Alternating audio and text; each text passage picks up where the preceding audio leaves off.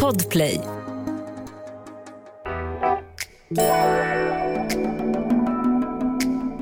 Solen sken in när jag stod där i fönstret och tittade ner på folk och spårvagnar och um, livet myllret utanför fönstret. Man kan tycka att fiskhamnen, det var konstigt att den är mitt i Göteborg och så, men vi måste ju ha en fiskhamn. Det är klart den ska vara här, den har alltid varit här. Mm.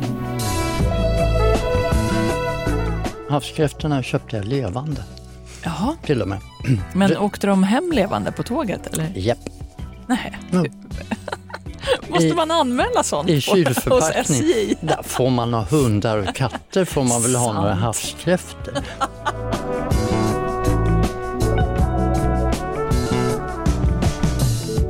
Shit vad vi balanserar ibland. Jag balanserar mellan, mellan ehm, himmel och helvete. Alltså vet du, jag tycker att vi balanserar eh, det mesta du och jag i våra liv. Ja, eh, det krävs ju liksom en viss planering. Jag tänkte på det här, jag tänkte på, det fanns en servitör som, som eh, väldigt rutinerad och han sa så här, ja man sitter inte i skiten längre.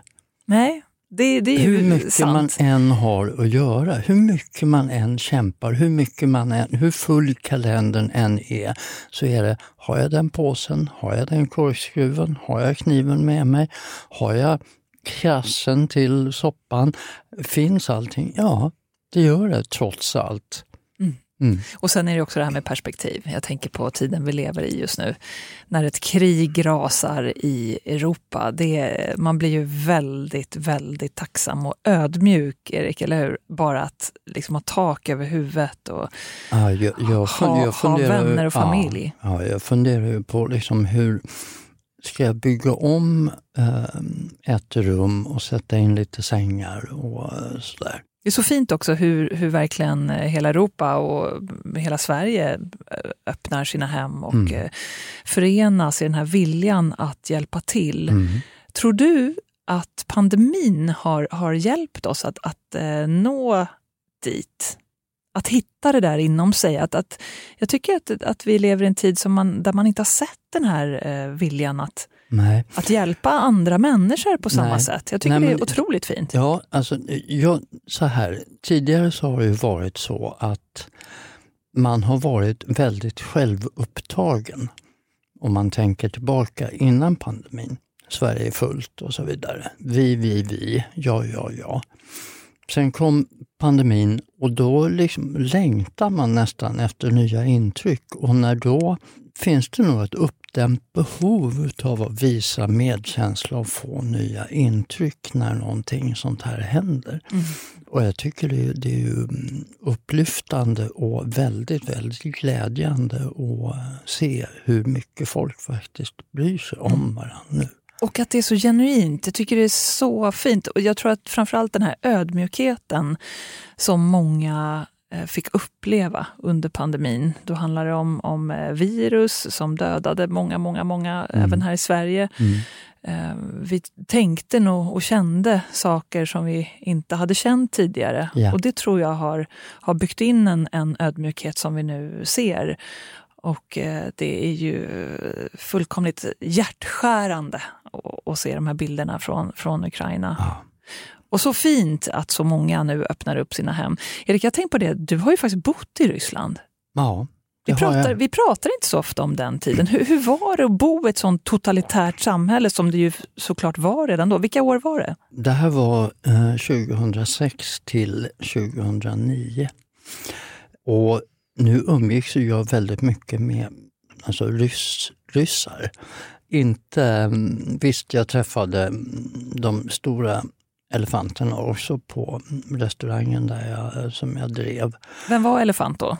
Ja, det var ju faktiskt både Putin och Medvedev. Och även Lavrov har jag haft som gäst. Men det, det är väldigt olika. Den vanliga ryssen är oftast en underbar, varm, härlig människa. Väldigt eh, omhändertagande och generös, får jag säga.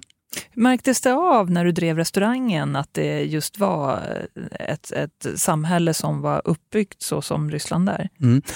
Eh, kan ta som exempel, jag bodde i en liten hudfärgad två eh, i ett hus eh, som tillhörde eh, Domstari Arkitekti, alltså ett pensionärshem för gamla arkitekter. Eh, och där bodde vi några stycken på i ett trevånings tegelhus. Under mig bodde dels en polis och dels en brandman.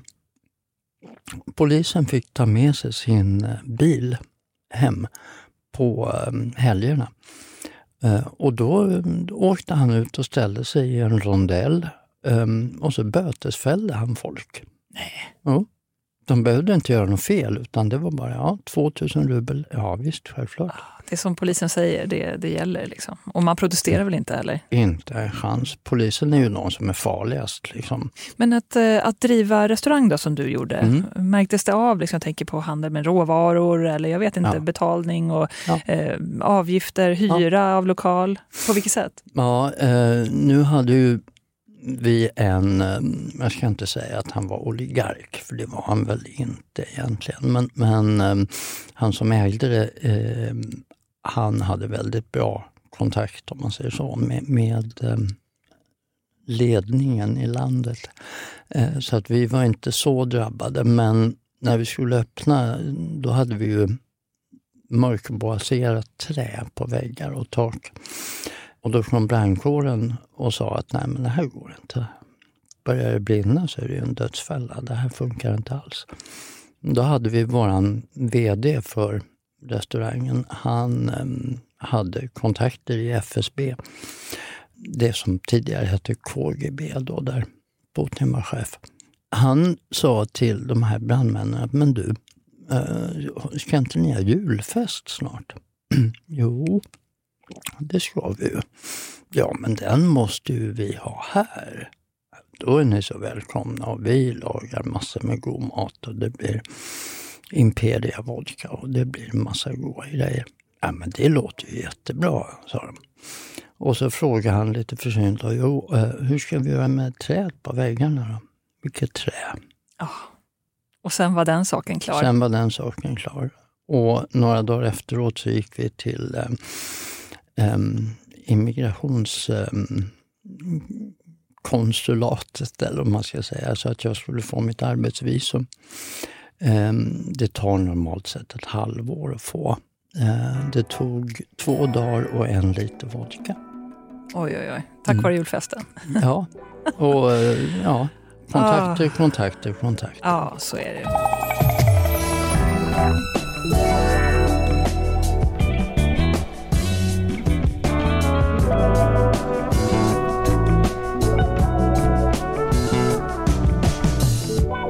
Men du Erik, eh, hur känner du inför allt som händer nu då?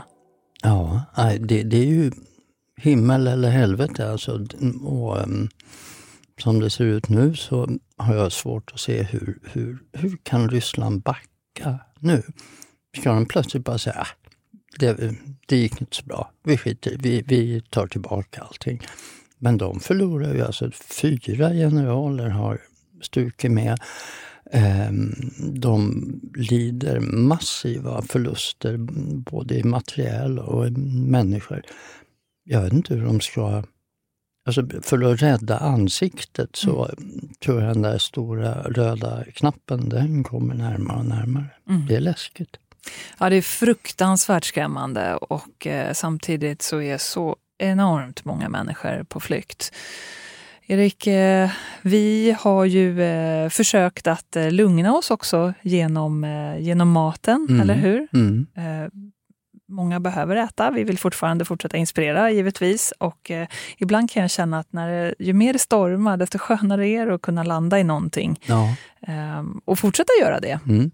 Så du har ju faktiskt varit iväg på ensamresa. Jag fick ju väldigt mycket att göra på mitt andra jobb. Ja, det, som, som man kan förstå faktiskt. Ja. Jo, men jag drog iväg till Göteborg. Ja, du har varit i Göteborg? Ja. Hur var det då? Jag älskar Göteborg. Ja. Det gör jag med, jag bott där. Ja, du har pluggat där också? Va? Ja, jag har faktiskt pluggat på Handels i Göteborg. Wow. Eh, Inte så länge, ett år. För sen kom jag in på journalistlinjen och Ah, jag ja, hoppade ja. på det istället. Mm. Men det blev ett år i Göteborg och jag stormtrivdes. Var bodde du då? Jag bodde i Kallebäck på Smörgatan. Okej, Mm. Säg mig ingenting. Nej, men liksom upp på höjden där, om du liksom förbi Svenska mässan och sen så eh, under viadukten och sen så upp på, på, på berget där. Där Ah. ligger Kallebäck. K- eh, Någonting säger Kallebäcksmotet. Ja, det, det mesta är helt mot eh, varifrån man än kommer och ska in i stan. Men det finns det definitivt, du har Okej. helt rätt. Ja. Nej, men där, där bodde jag i en liten eh, etta och hade också eh, mitt livs första inbrott när jag bodde där. Wow. Ja, det, var, det var en hemsk upplevelse. Mm. Men jag växte som människa genom att gå igenom den erfarenheten. Jag ringde mina föräldrar. Min mamma sa, som säkert jag också hade sagt om min dotter hade ringt och berättat att hon hade varit med om ett inbrott. Ingen fara, ta det lugnt, jag kommer nu. Och så klick. Ja. Och så, så ringde hon tio sekunder senare och kom på, just det, du är i Göteborg. Det är ganska många mil från Stockholm. Wow, wow, wow.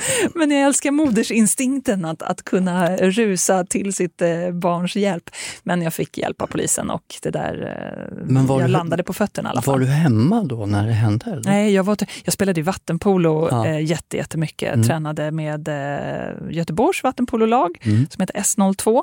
Och jag hade träning helt enkelt. Okej. Mm. När jag kom hem så skulle jag öppna dörren och fick hela låskolven i handen. Och just där innan huvudet och hjärnan hänger med, Ja. att vad det är som egentligen har hänt. Ja. Eh, Nej, usch. Och jag hade precis tagit studenten så jag hade fått väldigt mycket smycken och fina saker som man Nej. ärvegods och sånt som man eh, ja, gärna vill spara hela livet. Ja. Men på den tiden så var det ju just eh, guld och smycken och CD-skivor fanns fortfarande. Tänk Ja. att de stal CD-skivor. Till alla ni som är under eh, 25 så kan jag berätta att det var så vi lyssnade på musik den tiden. Ja, just det.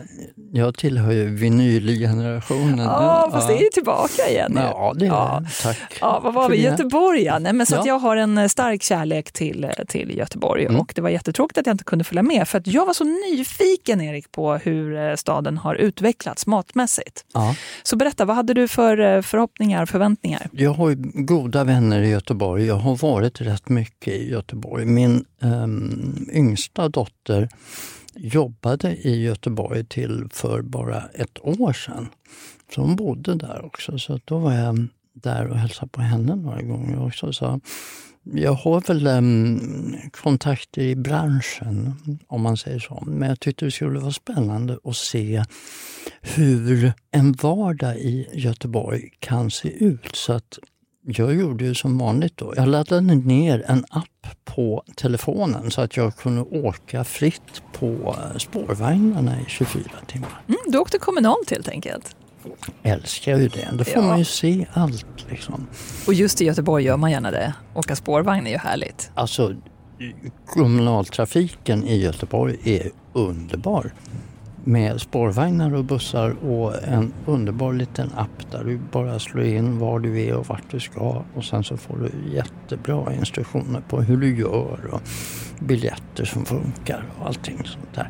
Så du tog tåget från Stockholm, rullade in där på centralstationen Ja, och sen så hoppade du på spårvagnen, eller? ja nästan. Jag tänkte jag måste ju bo någonstans Ja, det måste man ja.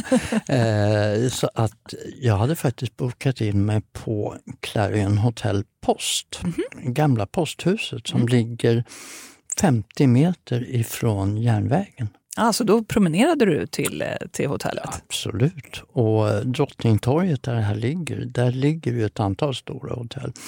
Post ehm, är stort. Det är jättestort, men känns ändå väldigt hemtrevligt i och med att det är gamla eh, lokaler, eh, högt i tak. Jag tror att det var fyra meter i tak i rummet där jag bodde och jag hade Oh, wow. utsikt, ja, utsikt mot Drottningtorget också. Så det var underbart att vakna. Sen hade jag som tur med vädret också, så solen sken in när jag stod där i fönstret och tittade ner på folk och spårvagnar. Och, mm, livet, myllret utanför fönstret. Det är fint med Göteborg tycker jag, för det är ju en riktig evenemangsstad. Många Mm. åker dit på mässor och liknande och därför finns det ju väldigt många stora hotell. Men de är så duktiga på att göra de här stora hotellen mysiga. I Stockholm så ligger ju den här typen av stora hotell ligger ju oftast lite utanför stan, Ja. alltså där, där, där Svenska Mässan ligger i, i Stockholm. Mm. Men här i Göteborg så får man ju det i staden. Ja, verkligen. Eh, och jag menar Post, Clarion Post, där har du två riktigt bra restauranger, bland annat Vrå som Sofia B Olsson har, där Frida Ronge var tidigare som eh, nu har flyttat till Ja, Stockholm. de är jätteduktiga på Vrå. Helt magiska. Du har en restaurang som heter Norda och du har två barer som är skittrevliga. Underbart! Så du bodde bra. Ska vi säga till och med majestätiskt? Ja, det kan man nästan säga. Ja, jag har svårt att tänka mig bättre boenden. Matresan sponsras av Sundqvist AB och glas från Riedel. Ja, Riedel har gjort det igen. Riedels glas är sedan länge en favorit hos restauranger, sommelierer och vinälskare. Nu är det dags för en ny superelegant serie, Veloce. Riedel har under 50 år arbetat med att ta fram druvspecifika glas.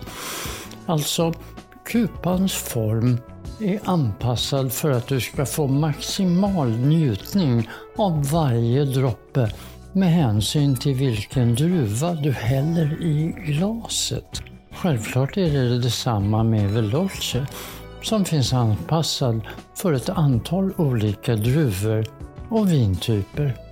De vackra vinglasen utmärker sig med en kupa i tunn kristall och en smal hög stam.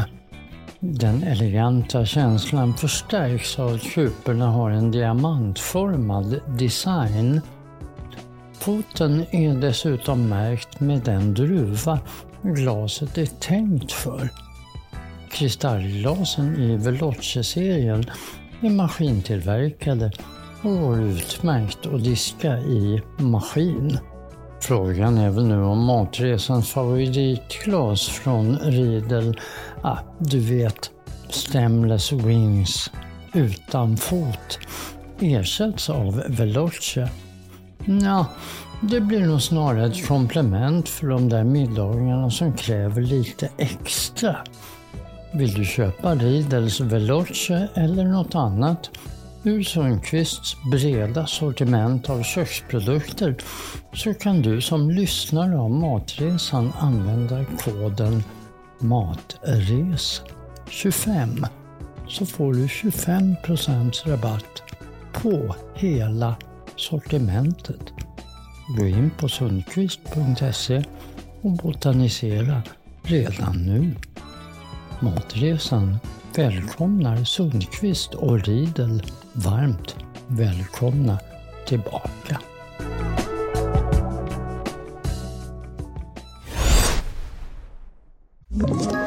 Ett poddtips från Podplay. I podden Något Kaiko garanterar östgötarna Brutti och jag, Davva, dig en stor dos skratt. Där följer jag pladask för köttätandet igen. Man är lite som en jävla vampyr. Man har fått lite blodsmak och då måste man ha mer. Udda spaningar, fängslande anekdoter och en och annan arg rant. Jag måste ha mitt kaffe på morgonen för annars är jag ingen trevlig människa. Då är du ingen trevlig människa, punkt. Något Kaiko, hör du på Podplay. Därför är gardinerna.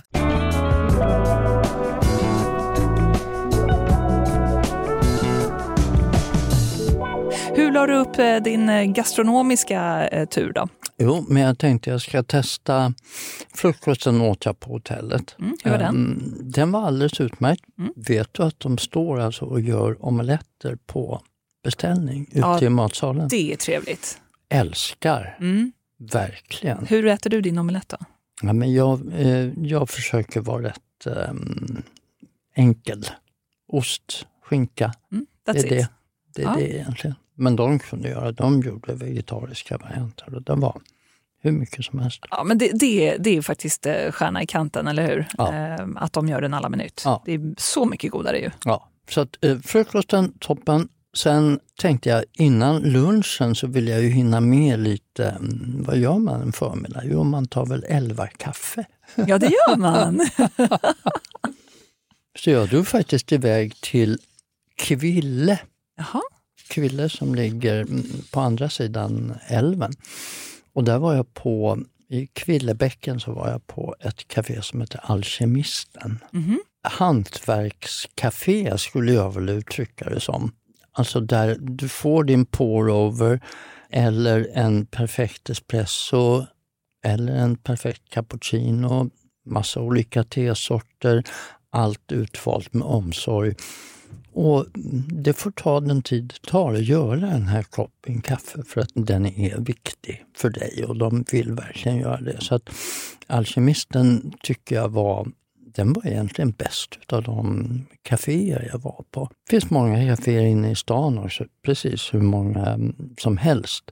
Ehm, du har Steinbrenner och Nyberg, du har Brogyllen, du har Damateo, Café Magasinet, ehm, som är väldigt bra kaffeställen. Men jag tyckte det fanns lite extra hjärta där på Alkemisten. Drack du cappuccino som du ofta brukar göra?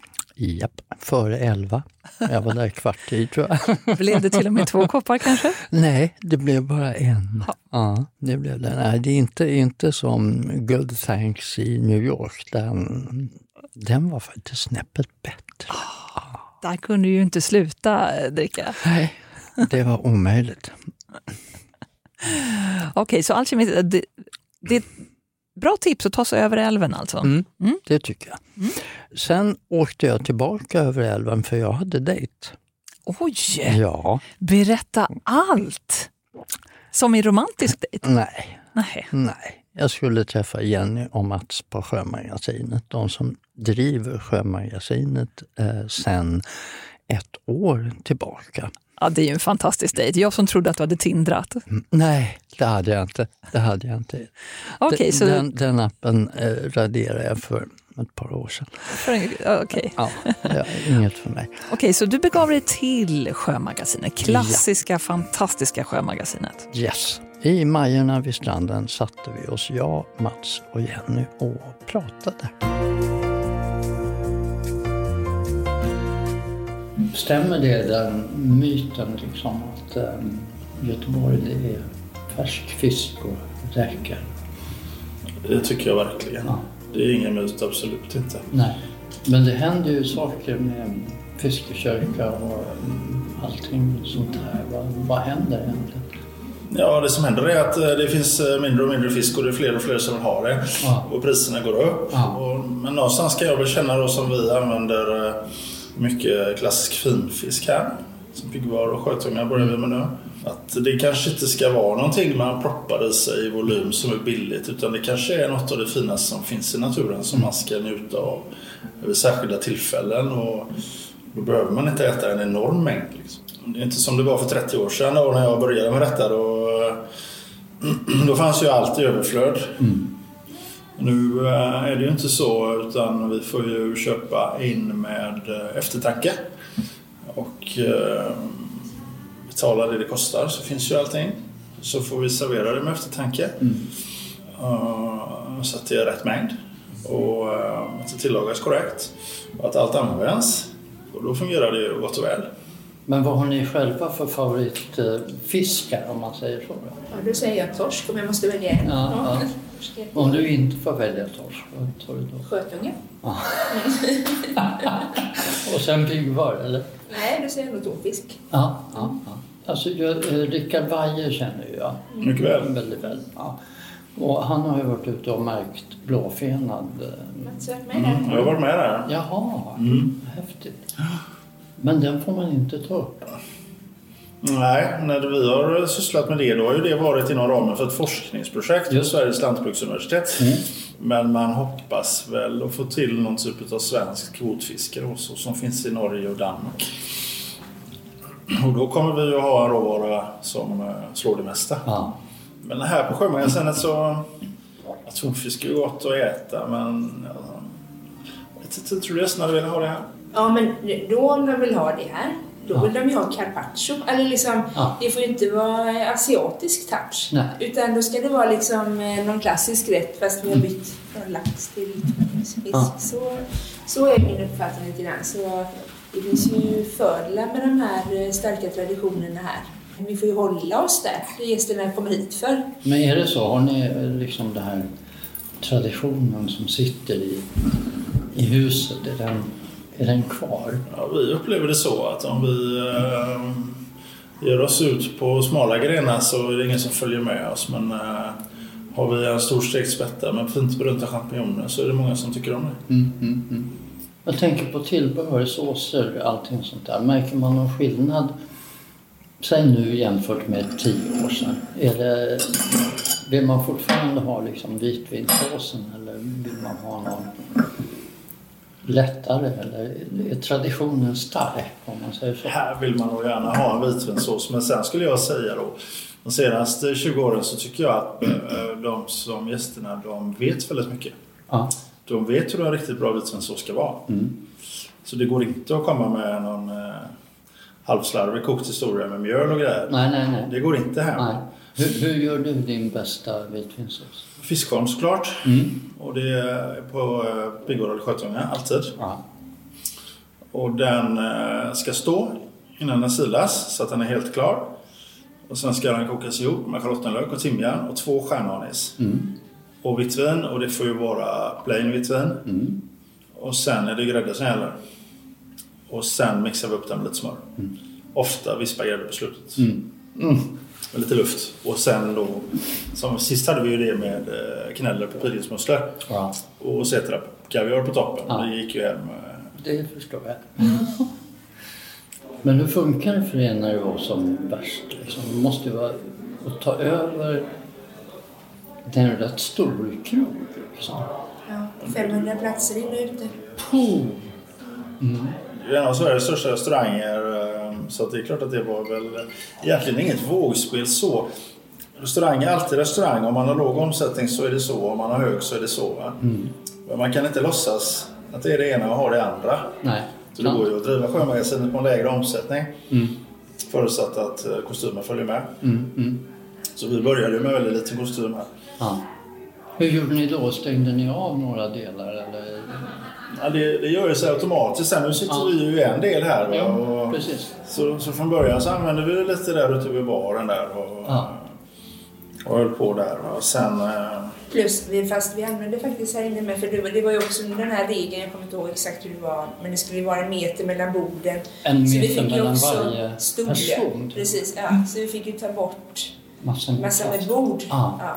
Så det blev ju också så. Men det, Mm. det är klart, det blir färre gäster, men vi fick ju... Då, då var det ju också en fördel att ha en väldigt stor restaurang. Om det ska vara långt mellan alla bord. Mm, Såklart. Men man fick, kunde ju inte minska på personal vad jag kände i alla fall. Nej, det var ju det som var. Och det var ju det som blev vårt problem sen att när det sen öppnade upp och framförallt när uteserveringen började. Ja. Vi har ju liksom jättestor uteservering och, eh, och då vill alla komma ut och äta. Ja. Ja. sitta ute. Ja. Och då hade vi ju ingen personal. Nej. Nej. Men hur, hur löser ni det då inför sommarsäsongen som sätter igång? Och ni har... Vi var ju väldigt, alltså direkt i januari så sa vi ju att förra året vågade vi ju inte för vi visste ju inte om vi skulle ens kunna ha uppe. Men att nu i januari så var det ju bara att anställa så många vi kunde. Ja. Så behöver vi 10 så får man anställa 20. Ja. Några håller inte måttet och några slutar. Och några, men, ja. Ja. så, så det känns i alla fall som att eh, vi har personal. Ja. Hur känns det inför eh, säsongen nu då? Mm, Sätter igång snart. Jag tror vi kommer ha en helt underbar säsong här. Ja. Eh, Jag tror att det kommer vara många svenskar som eh, har lärt sig och tycka om det som finns i Sverige. Mm. Sen tror jag att det finns många danskar och norrmän som eh, längtar efter att komma till Göteborg och Liseberg. Mm. Och som kan tänka sig att äta en skaldjursplatå, sjömagasinets utservering. Mm. Mm. Eh, Så det tror jag att förutsättningarna är goda.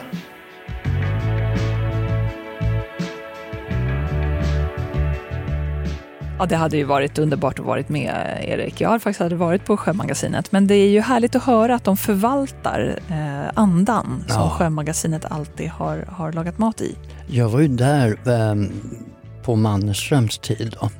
Eh, och det var väl 15 år sedan kanske.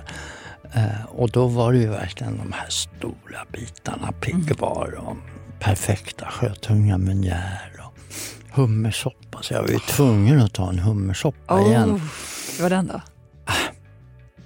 Lägg av! Alltså, den var så len och krämig. Den var så len och Ah. krämig och du hade inte ett uns utav beskhet som ibland kan bli när man låter hummerskålen koka för länge. Nej, det var helt underbart. Så jag tog som vanligt då två mindre rätter. Jag åt den um, hummersoppan med eh, um, svartrotsmusselin och lite svensk hummer i. Och sen tog jag en toast med räkor, havskräftor och bohuskrabba. Allting fångat precis utanför. När man sitter där, då ser det ju ut genom fönstret. Du ser älven, du ser Älvsborgsbron som är magnifik. Och så kommer båtarna in, Stena Line kommer in, Fiskbåtarna kommer in. Och så den här solen och vädret som var Nej, jag var i sjunde himlen verkligen på Sjömagasinet. Åh, vilken ensam lunch! Mhm. Mhm. Vad åt du mer då? Åt du något mer gott? Du, ehm, en lunch ehm, till åt jag ju dagen efter och det var för att kolla liksom Sjömagasinet har vi där, vad äter man inne i stan om man vill äta någonting riktigt klassiskt? Så jag följer en, än en gång i eh, Leif Mannerströms fotspår och gick in på Kometen. Jaha, var ligger kometen då? Kometen ligger nästan uppe vid Götaplatsen. Mhm. Mm. Eh, En liten tvärgata till Avenyn. Eh, och det är som att kliva in i 70-talet. Samma blommor, vad heter det, svärmorslilja eller vad heter den här gröna? Svärmors tunga. Svärmorstunga heter den, just det. Den typen av växter i fönstren och Den har jag hemma, är det något fel på den? 70-tal. Ja. Vad har du då? Pelargoner har ju du. Nej, chili. Ja, okej då, jag skojar, men jag försökte i alla fall. Nej, men, och så tavlor med klatschiga färger och lite brunbeige väggar och mm, väl insuttna fåtöljer och soffor. Och ett klientel som var helt magiskt blandat. Det var lite affärskillar, det var gamla tanter som var där och käkade lite skölja och mm, det var par och eh, nej, magisk mix. Fullt, fullt, fullt, fullt, fullt. Det låter ju som en eh, fantastisk matsal. Vad var det för meny då? Var det, var det alltså skaldjur här också och fisk? Nej, det, det fanns. Men eh, annars så var det lite, de hade några dagens rätter, de hade löjrom, de hade toskagen, de hade biff Rydberg. Ehm, men jag tog en dagens rätt, jag tog en råraka med fläsk. Oh, vad gott! Och, rårörda lingon. Som Ah. de, man såg på dem att de hade rårörts i köket på plats. Ja, vad härligt. För jag tänkte ju säga det, för att ta klassiker till lunch, då, Mm. det ställer ju också höga krav. För att Verkligen. kunna göra enkel mat så måste du kunna göra det bra. Ja, och, och den här krispiga, härliga rårakan, den satt som en smäcka. Åt mer råraka än vad jag åt fläsk, även om det inte var något fel på Då är det en fläsket bra, bra raka. Mhm, mhm. Matresan är sponsrade av The Wine Agency. Idag ska vi prova två viner som bägge passar bra till vårens lättare sallader, fiskar och skaldjur. Det första vinet kommer från Nya Zeeland och producenten Villa Maria Estate som redan på 90-talet började producera ekologiska viner. Man använder ekologiskt certifierad jäst och klarningsmedel som gör det här till ett helt veganskt vin. 2021 Earth Garden Sauvignon Blanc är som namnet antyder tillverkat till 100% av druvan Sauvignon Blanc från odlingar i Marlborough på Nya Zeeland. Vinet är druvtypiskt från den här delen av världen med pigga inslag av passionsfrukt, svartvinbärsblad, grape och lime. Smaken harmonierar med doften och är frisk och aromatisk. 2021 Earth Garden Sauvignon Blanc har artikelnummer 2396 och du hittar den i Systembolagets fasta sortiment. Det andra vinet kommer från nordvästra Spanien. Strax ovanför gränsen till Portugal ligger Spaniens främsta vitvinsdistrikt, Rias Bachas. Och här odlas främst duvan Alvarinho. Vinet 2021, Alba de Vetus, från Bodegas Vetus, är tillverkat av 100% Albarino. Det har en elegant harmoni mellan doft och smak. Du hittar inslag av örter och blommor med tydliga toner av ananas, päron och mineral med en lång eftersmak. Etiketten pryds av en petrusfisk och när du kylt vinet till rätt temperatur får den sällskap av små fiskar. Snyggt! 2021 Alba de Vetus har artikelnummer 78598 och du hittar den i Systembolagets beställningssortiment. Matresan tackar The Wine Aliens.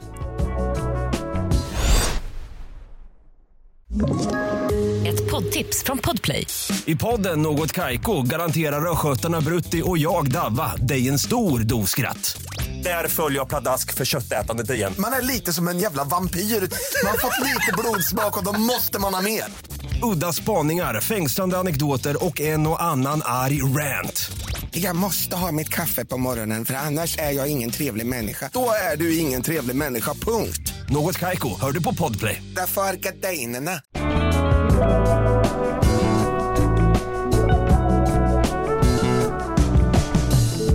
Vilka luncher du hade. Ja, nej men perfekta luncher, perfekta kafébesök. Det kan inte bli bättre. Så Göteborg levererade dagtid?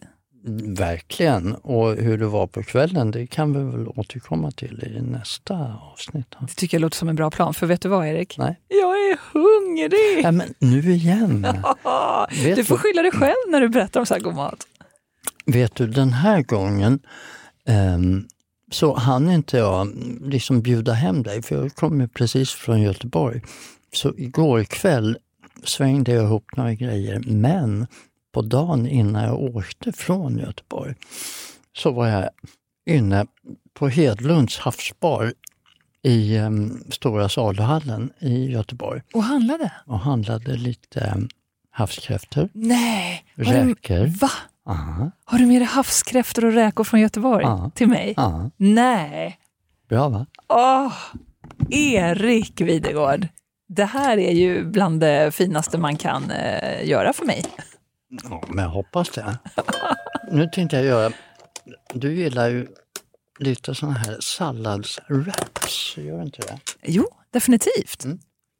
Det är ofta att jag får gå till eh, salladswrapsen när jag inte kan äta vetebrödet som eh, restauranger erbjuder. Och jag har inget emot det. Tycker det är jättegott Mm. och eh, wrappa in i sallad. Ska vi se vad du får wrappat här. Ja, nu plockar Erik fram en, det ser ut som någon, är det en sallad? Jag har gjort som en sallad med havskräftor, avokado, räkor, fänkål. Otroligt grönt och fint. Vad, vad heter det nu? Är det hjärtsallad? Nej, vad heter Jäm- de? jämsallad. heter de ja. Jämsallad. Som är ju så perfekta att eh, göra som små wraps av. Verkligen. Ja, men de är ju gjorda för det får jag säga.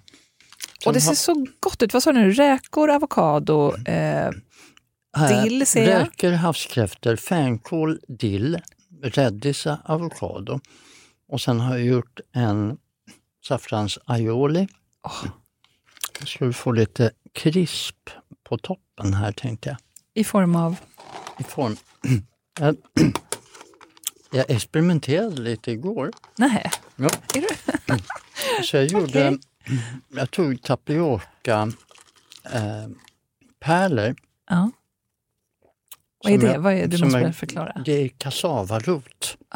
Alltså en, ehm, det är inte en rotfrukt, men det är som en potatis fast det är kassava heter den. Väldigt stärkelserik som man gör små pärlor utav.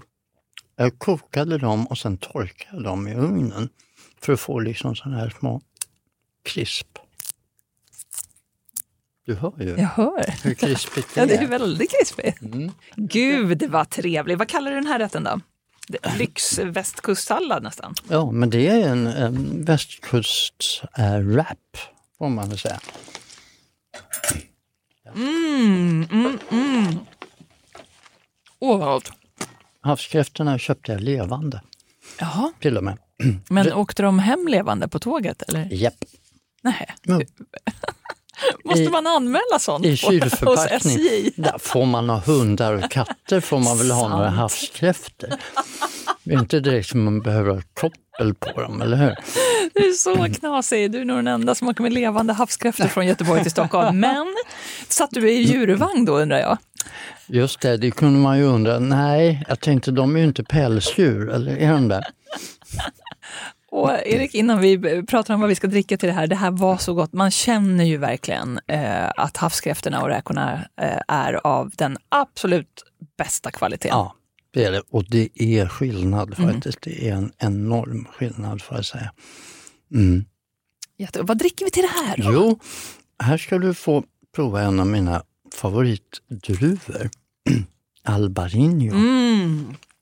Jag älskar albarino. Varför gör Mm.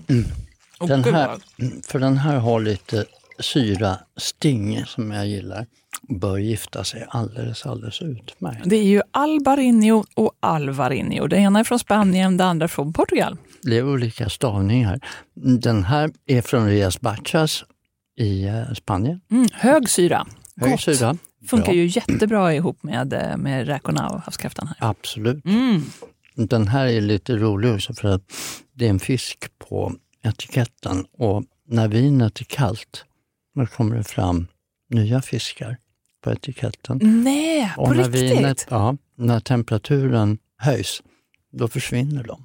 Men vad smart! Eller hur? Det är ju en indikation på att du har eh, vinet rätt kylt. Precis så. Jag tycker, och det vet jag att du håller med om, att det ska vara väldigt kylt. Mm. Eh, Ett albarino då, det ska vara kylskåpskallt, räcker det? Eller kallare än så? eh, jag skulle nog säga 10, 9, 10 grader på en albarino så den känns så här riktigt fräsch och härlig. Mm. Erik, hur gör man för att få precis den här rätta mängden dill? För dill tar ju över ibland i den här typen av sallader tycker jag. Mm, mm. Och har man räkor i en sallad eller hummer eller mm, havskräftor som nu, så är det ju väldigt gott med dill. Mm. Men det Det får inte bara smaka dill. Nej, nej, utan ehm, nej, men det är ju som allting. Mm, I, i moderation får man, får man tillsätta sin, sin dill. Sen tycker inte jag om att man använder du vet, dill som topping. Så här, ambitionstillägg. Man lägger en dillvippa på toppen bara för att det ska vara någonting som är grönt. Det är värdelöst. Det är helt värdelöst. Ambitionstillägg, det plockar man bort. Vad gör man av dillen då? Man stoppar i den, man rör runt den i salladen. Ja, du eh, hackar den grovt och sen vänder du ner den Oj, i salladen så du får dillsmak. Absolut, skulle aldrig drömma om att våga göra något annat. Nej, Nej, bra. är då. bra Skulle så aldrig toppa med dill. Från och med nu då. Hur kan jag? Tänker på alla de här snittarna man har gjort. Och sen lilla... En liten dillvippa. Jaha, nej, nej, nej, nej, aldrig mer, I promise. Okej, men det här var ju ett perfekt eh, vitt vin till en västkustsallad. Mm. Eh, förutom eh, den här druvan då, kan, funkar det med en chardonnay till exempel? Det är Nej, för ekat. det är förlekat. I sådana fall en riktigt eh, krispig eh, petit chablis. Mm. eller chablis chablis som liksom kritig jord och Mm. du har mer mineral och syra. Chardonnay också, men, men inte ekad alls. Nej, Nej. precis. Och annars så är, går man ju gärna åt Sauvignon Blanc hållet som du inte gör oftast. Nej, jag gillar inte Nej. jätte, jättemycket. Men, eh, Men det finns grader i helvetet, ja, det gör även det. där. Ja, Mm. det är helt sant. Och Mm. man ska alltid ha ett öppet sinne. Det här var väldigt gott, Erik. Bra. Och rädisorna har du ju skurit så... Har du mandolinat dem? Nej. Man, jag har mandolinat dem. Mm. Mm. Det kan man nästan se. Och fänkål. Mm. Matresan är sponsrade av Lavazza. Idag tänkte jag prata om hur du kan få ett lite mildare kaffe utan att tumma på kvaliteten. Svaret kommer självklart från Lavazza och den nya serien Espresso Maestro. Espresso Maestro innehåller fyra nya varianter för kapselbryggare. Lavazza har sedan tidigare ett antal av sina sorter för kapselbryggare och här blir Espresso Maestro-varianterna ett välkommet komplement. Förutom varianterna espresso, ristretto och koffeinfritt presenteras nu även lungo. Lungo betyder längre och det är precis vad det här är. En kopp som räcker längre. Jag skulle säga att det är en premiumvariant av det som kallas för Café Americano. Alltså en espresso blandad med varmt vatten för att göra den mer amerikansk i smaken. Jag dricker aldrig en americano för jag tycker att det blir för blaskigt. En lungo däremot, det är en helt annan historia. Här har Lavazza lyckats kombinera malning och kaffemängd i en kapsel för att ge dig en kopp kaffe med mildare, elegantare och inte fullt så koncentrerat uttryck utan att för den skull minska på den höga kvaliteten och njutningen som en kopp Lavazza alltid ger. Här har du den perfekta eftermiddagskoppen när du vill sitta och njuta lite längre. Eller du vet den där läsa en bok-koppen som du behöver för att det ska räcka en stund. Lavazzas Espresso Maestro Lungo kan du nu hitta i din lokala matvarubutik. Varför inte testa? Matresan tackar Lavazza för en förlängd njutning. Lavazzas kapslar funkar med Nespressos originalmaskiner. Lavazza är inte anslutet till, stött eller sponsrat av Nespresso. I köket, Erik, idag så ska vi prata om pincetter. Jag har sett fram emot att prata om det här. För eh, det att gå från någonting som jag inte visste att jag behövde till att vara oumbärligt i köket. Känner du så? Ja, jag känner verkligen så. Vad roligt. Då undrar jag, är det för att jag verkligen har fallit dit för trender eller är det för att jag har nått dit i min matlagning kanske? Ja, men det, det är ju också därför att det är så jäkla praktiskt. Tänk dig att du ska balansera en em, köttbit på en um, stekspade. Är det inget bra? Och så ska du vända den här och så är det varmt och så kanske du har olja i pannan och sådär. Och så vänder du den och så stänker det och du har liksom ingen kontroll på grejen. Och så ska du flytta em, biten, vad det nu är, du steker från stekpannan till tallriken. Och så har du en stekspade och så blir det snett och så välter det och så tappar du grejerna.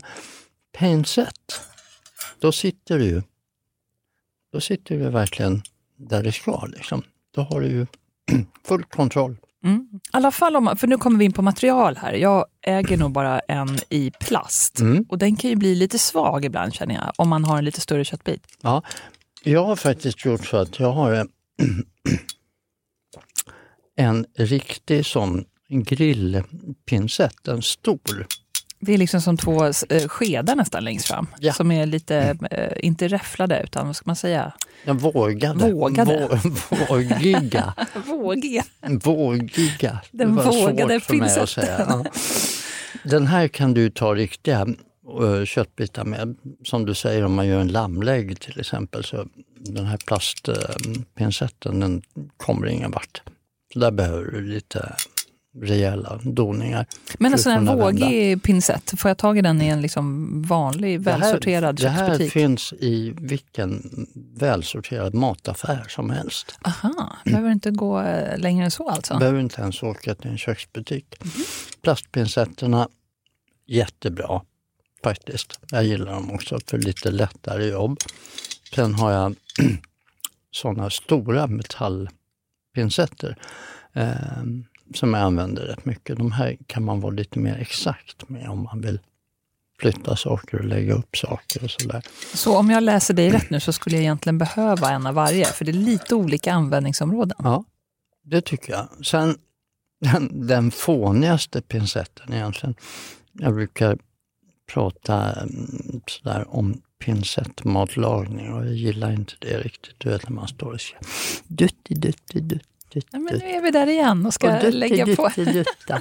Ja, men det är ju lite poppis med de här små blommorna som ska Mm. liksom, eh, adderas på toppen av det där lilla Ja, berget. och så tar det en kvart att lägga upp maten och så är den kall när den ska ut och sådär. Men ibland så är det faktiskt väldigt bra. Jag har den här lilla vinklade eh, pincetten som man då kan vara lite mer exakt med om man vill få saker att ligga där de ska ligga. Ja, men det syns ju att den där lilla pincetten som är lite eh, böjd, eller man ska säga, som ett Ja. eh, utdraget S, Ja, ehm, är proffsig. ja. Det är ju en, också en kul present till någon som verkligen gillar att laga mat. Vad, vad kostar en sån där ungefär? Den här kostar väl 200 tror jag. Ja, det är ju överkomligt. Mm.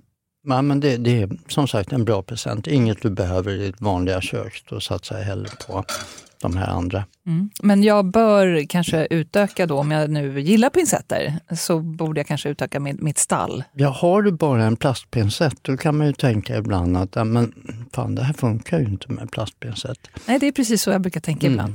Och då får, har man då en metallpincett då, då känner man att jo, men det, ju, det här var ju riktigt bra faktiskt. Mm. Om inte annat för att plocka bort den där lilla dillvippan på toppen. Just precis. bra där. Ja.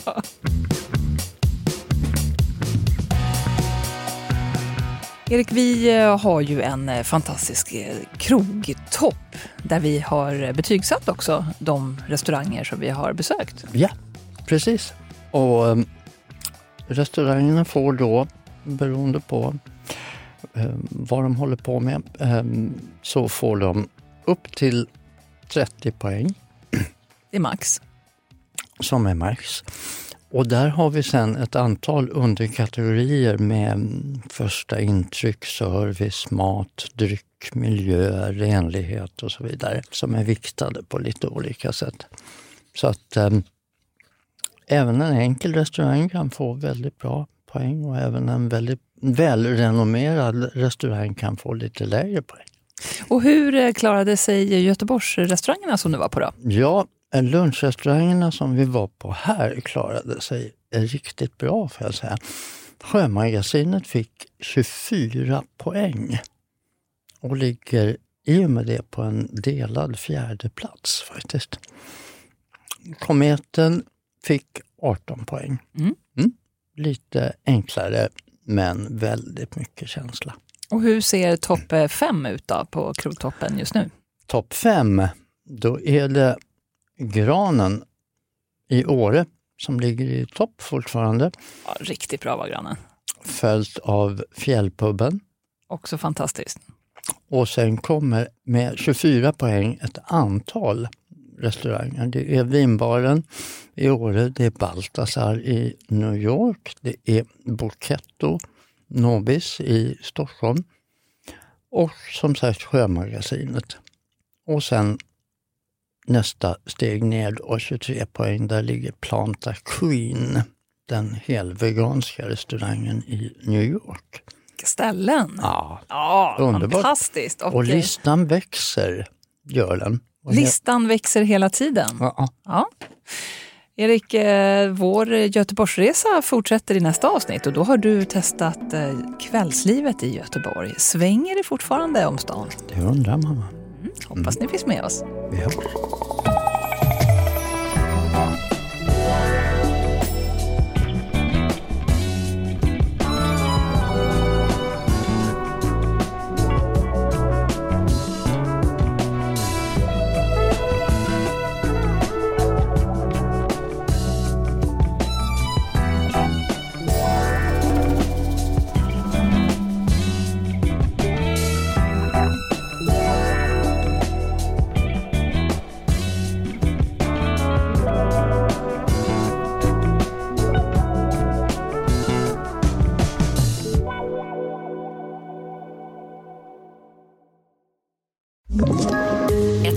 Poddtips från Podplay.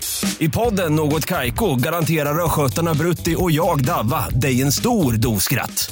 Där följer jag pladask för köttätandet igen. Man är lite som en jävla vampyr. Man har fått lite blodsmak och då måste man ha mer.